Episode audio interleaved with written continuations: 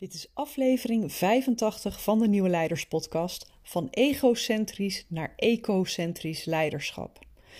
Je merkt aan van alles dat we aan het eind van een tijdperk zijn aanbeland. Ineenstortende ecosystemen, onvoorspelbare, ernstige weersomstandigheden, verlies aan biodiversiteit, epidemieën, verplaatsen van enorme groepen mensen. Het voelt groots en overweldigend. En toch is dit een optimistische aflevering. Het beoefenen van effectief leiderschap in zo'n turbulente context begint namelijk veel dichterbij dan je zou denken. Het start met anders denken en we hebben om te schakelen van egocentrisch naar ecocentrisch leiderschap. Dat hoeven we helemaal niet uit te vinden. Er is een intelligentie die zich daar al miljoenen jaren mee bezighoudt, die alle lessen die er te leren zijn, alles een keer heeft langs gehad en waar we dus van kunnen leren. In deze aflevering leg ik je uit wat voor lessen wij daaruit kunnen adopteren. En vind je het een interessante aflevering? Dit is een stukje uit mijn boek Navigeren in de Mist dat in mei uitkomt en dat nu al te reserveren is via Managementboek en allerlei andere bekende sites.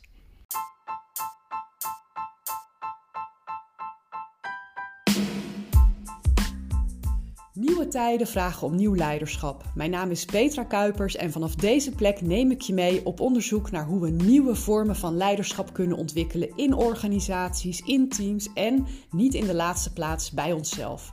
Samen herschrijven we de definitie van leiderschap.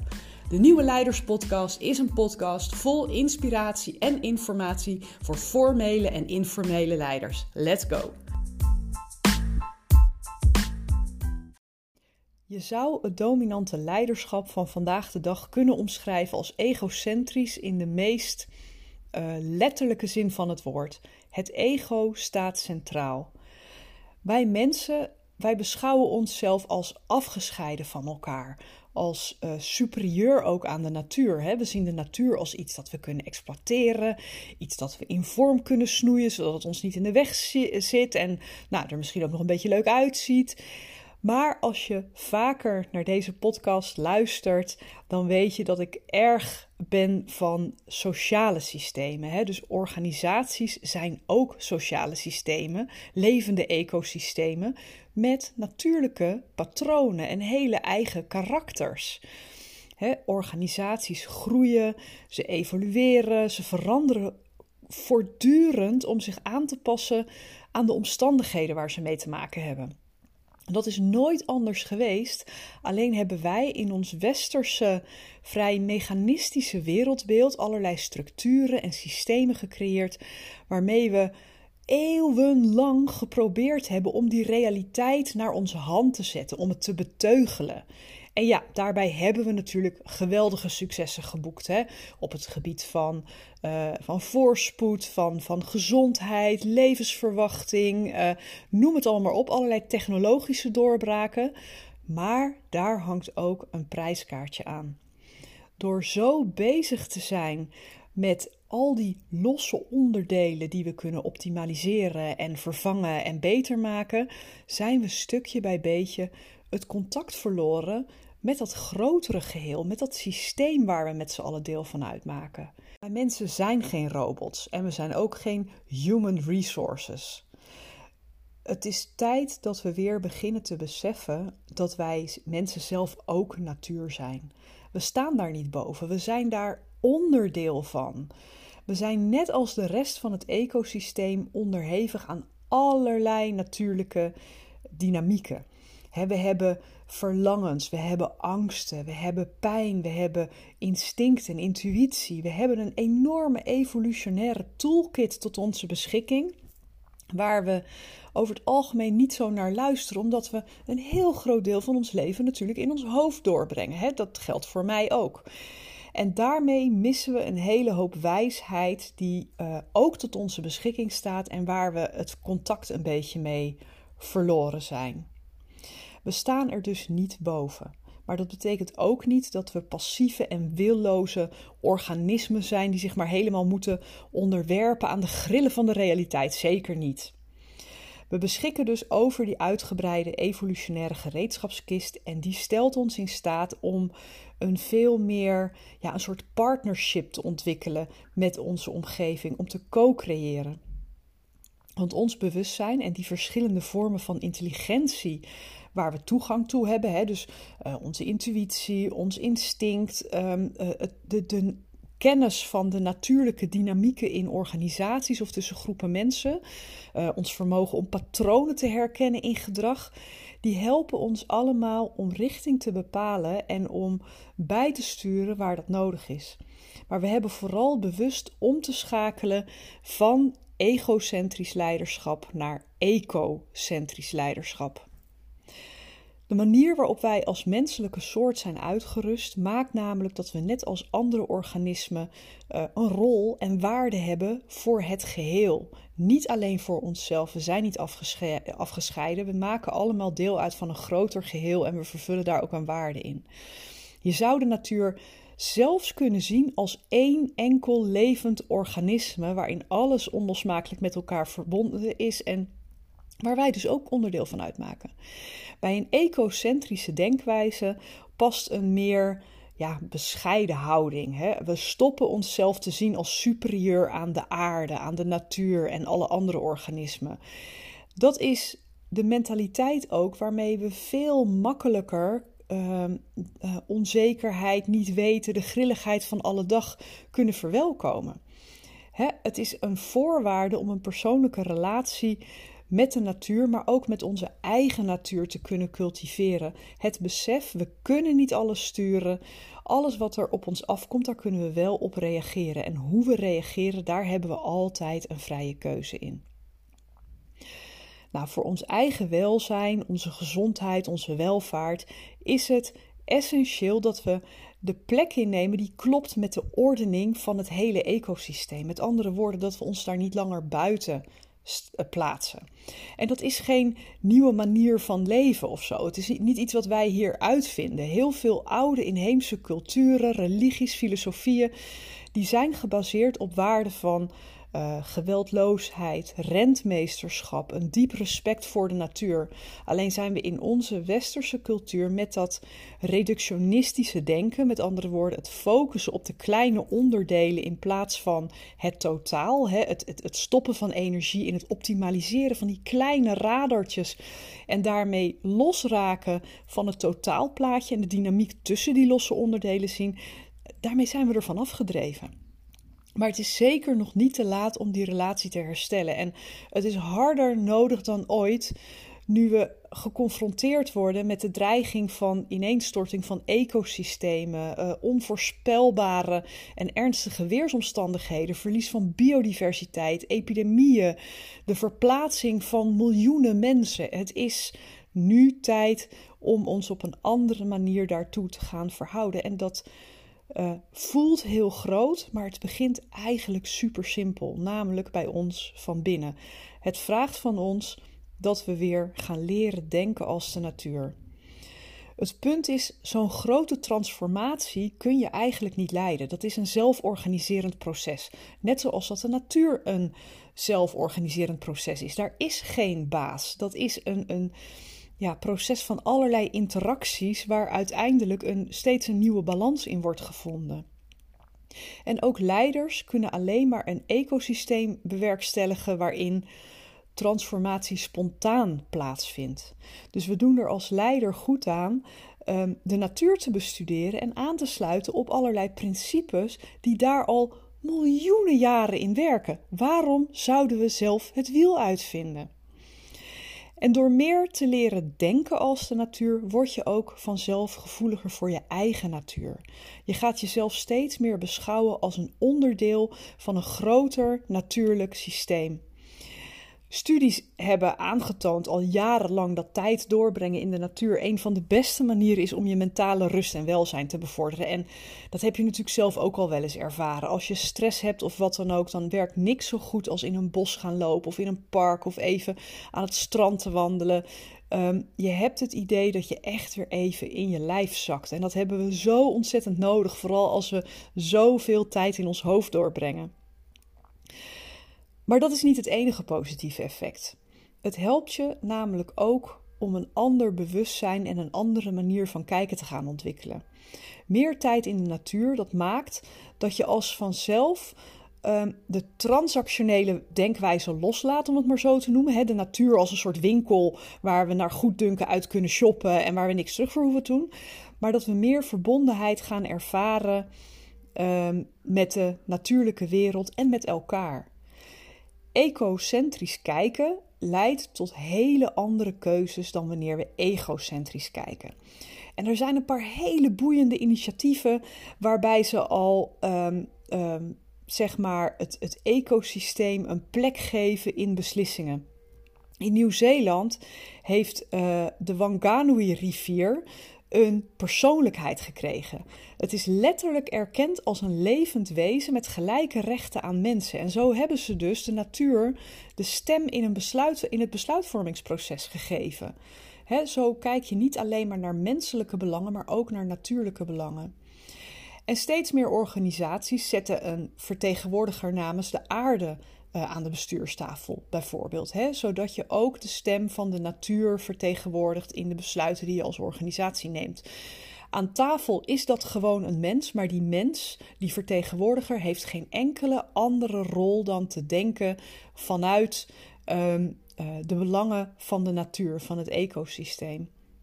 In de Welsh Assembly, dat is zeg maar het uh, wetgevende lichaam van Wales, hè, dat gedecentraliseerde uh, uh, wetgevende orgaan van Wales, daar zit een minister voor toekomstige generaties.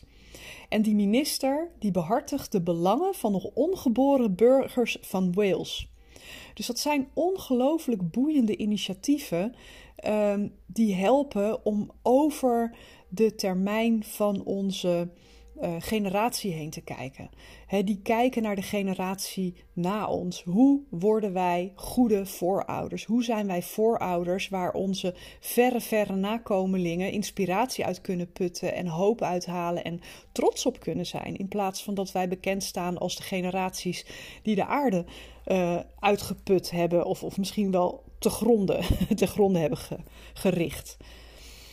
Nou, hoe doe je dat eigenlijk? Hè? Denken zoals de natuur. Ik wil daarvoor uh, tot slot een paar leidende gedachten achter permacultuur uh, erbij pakken. Ik ben zelf een ontzettende fan van permacultuur. Dat is een um, ontwerpbenadering waarbij de mens met de natuur meewerkt in plaats van er tegenin. Als je hem heel, heel simpel uitlegt. Hè? Dus je richt met deze principes een natuurlijke omgeving zo in dat je een win-win-win situatie realiseert. Je bent goed voor de mens je bent goed voor de natuur en je bent goed voor het collectief, het grotere geheel. En de mindset achter deze benadering kan ons ontzettend veel leren over hoe we als mens en als leider meer ecocentrisch in plaats van egocentrisch kunnen gaan denken en handelen. Dat hoeven we allemaal niet opnieuw uit te vinden. Dat wiel, dat is er al lang. En daar hoeven we ons alleen maar door te laten inspireren. En een paar lessen daaruit wil ik hier met je delen. En uh, een mooie aflevering heb ik uh, uh, vorig jaar ergens een keer, of misschien zelfs al in 2020 een keer gehouden. Um, met Paul Arts. Die, ik weet even niet precies wat de podcastaflevering is die, uh, waar ik hem interview. Maar daar gaan we heel uitgebreid in over de parallellen tussen leiderschap en permacultuur. En hij is een expert op dat gebied. Dus die is ook wel interessant om erbij te zoeken. Ik denk dat hij uit 2020 komt. Maar goed, een paar principes. Ten eerste overvloedsdenken. De natuur is een expert in het creëren van overvloed. Als bijvoorbeeld een bloem zaad schiet, dan produceert ze veel meer dan nodig is om een volgende generatie te laten ontkiemen. En het is ook niet zo dat het ene zaadje beter is dan het andere. Elk zaadje, ook de zaadjes die nooit zullen ontkiemen, hebben de volle potentie om een volledige bloem te worden. En je kunt zeggen dat overvloed zich verhoudt tot schaarste als vertrouwen tot angst. Laat ik die toelichten. Een, een schaarste mindset heeft als onderliggende angst dat er niet genoeg zal zijn. En daardoor zijn we geneigd om heel stevig vast te houden aan dingen waarvan we denken dat ze schaars zijn. Dus je tijd, je energie, je spullen, je hulpbronnen. Maar wat we in feite doen is dan een soort van de stroom blokkeren. Overvloedsdenken is zeker niet hetzelfde als ongeremd gaan consumeren of geld uitgeven, maar het is meer een bril die je opzet waardoor je anders naar de wereld gaat gaat kijken.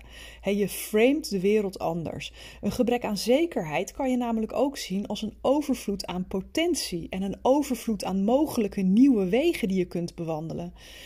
En ja, laten we eerlijk zijn, het delen van kennis, tijd, aandacht, dat maakt heus niet dat er minder kennis, tijd en aandacht voor jou overblijft. Het is eerder alsof je een, een soort tegoed op een sociale bankrekening stort, waarna je het door dat rente op rente effect in veelvoud terug zult ontvangen. Dus overvloedsdenken is een hele belangrijke. En dan met name als de bril waardoor je kijkt. Kijk niet in problemen, maar in kansen, in potentieel die bepaalde, bepaalde uitdagingen je bieden. De tweede die is eigenlijk het vervolg daarop. Permacultuur denkt in oplossingen. En dat is een diep geworteld vertrouwen dat voor elk willekeurig vraagstuk een oplossing bestaat. En denk er maar eens aan, de, de, de natuur is miljoenen jaren oud. Moet je eens denken voor wat voor problemen die al heeft gestaan. En elke keer is het doorgegaan. Zijn er weer aanpassingen gekomen? Zijn er weer oplossingen gekomen? En als wij zelf zo denken, dan houden we ook onze geest open voor mogelijke ideeën en antwoorden. En dat is niet iets wat je aan je bureau heel hard gaat zitten doen, maar heel vaak juist als je met wat anders bezig bent. Op onverwachte momenten sijpelen die ideeën door, maar daarvoor is het wel belangrijk dat je ervoor open staat. Dus dat je het vertrouwen hebt, ja, op elk probleem komt er een oplossing en ik hoef me daar alleen maar voor open te stellen. Een vaste uitspraak in de wereld van permacultuur is ook: het probleem is de oplossing. En we kijken dan naar de kenmerken van het probleem naar, en naar hoe we die in ons voordeel zouden kunnen ombuigen. en uh, dat vraagt een wat creatievere manier van denken, uh, waarbij je juist de rijkdom van het probleem gaat gebruiken om nieuwe kansen te creëren.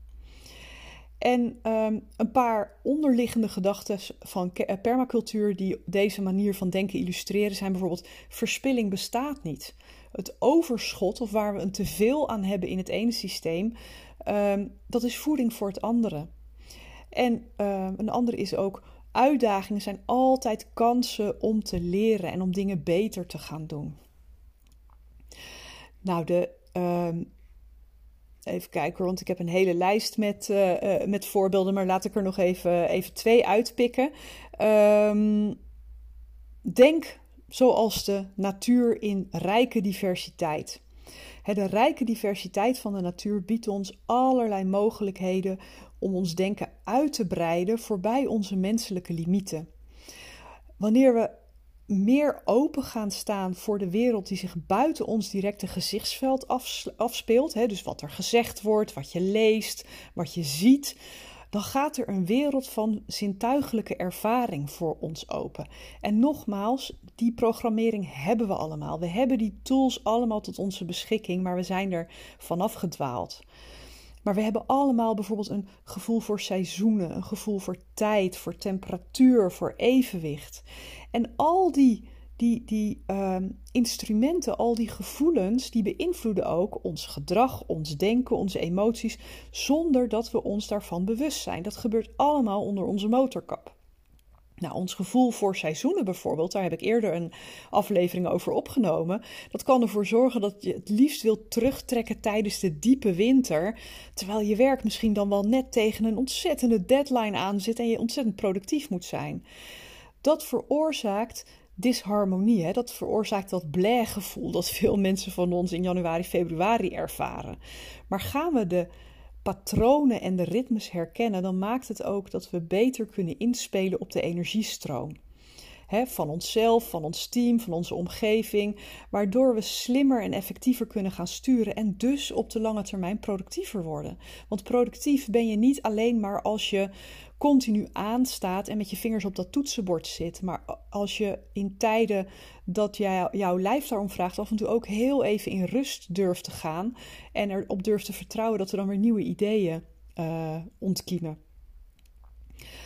Um, laat ik de laatste die ik hier uitpak um, zijn het stuk coöperatief denken. Dat is wat je in permacultuur heel erg doet. Um, namelijk stimulerende relaties creëren.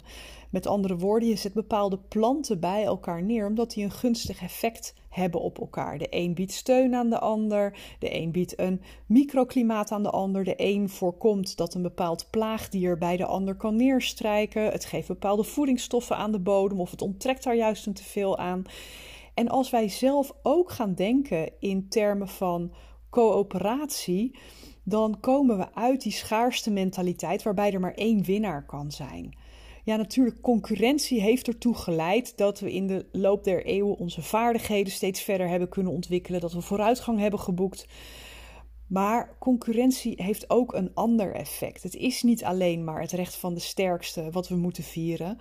Um, sommige mensen stoppen gewoon met proberen als ze denken dat ze toch nooit de enige winnaar zullen zijn.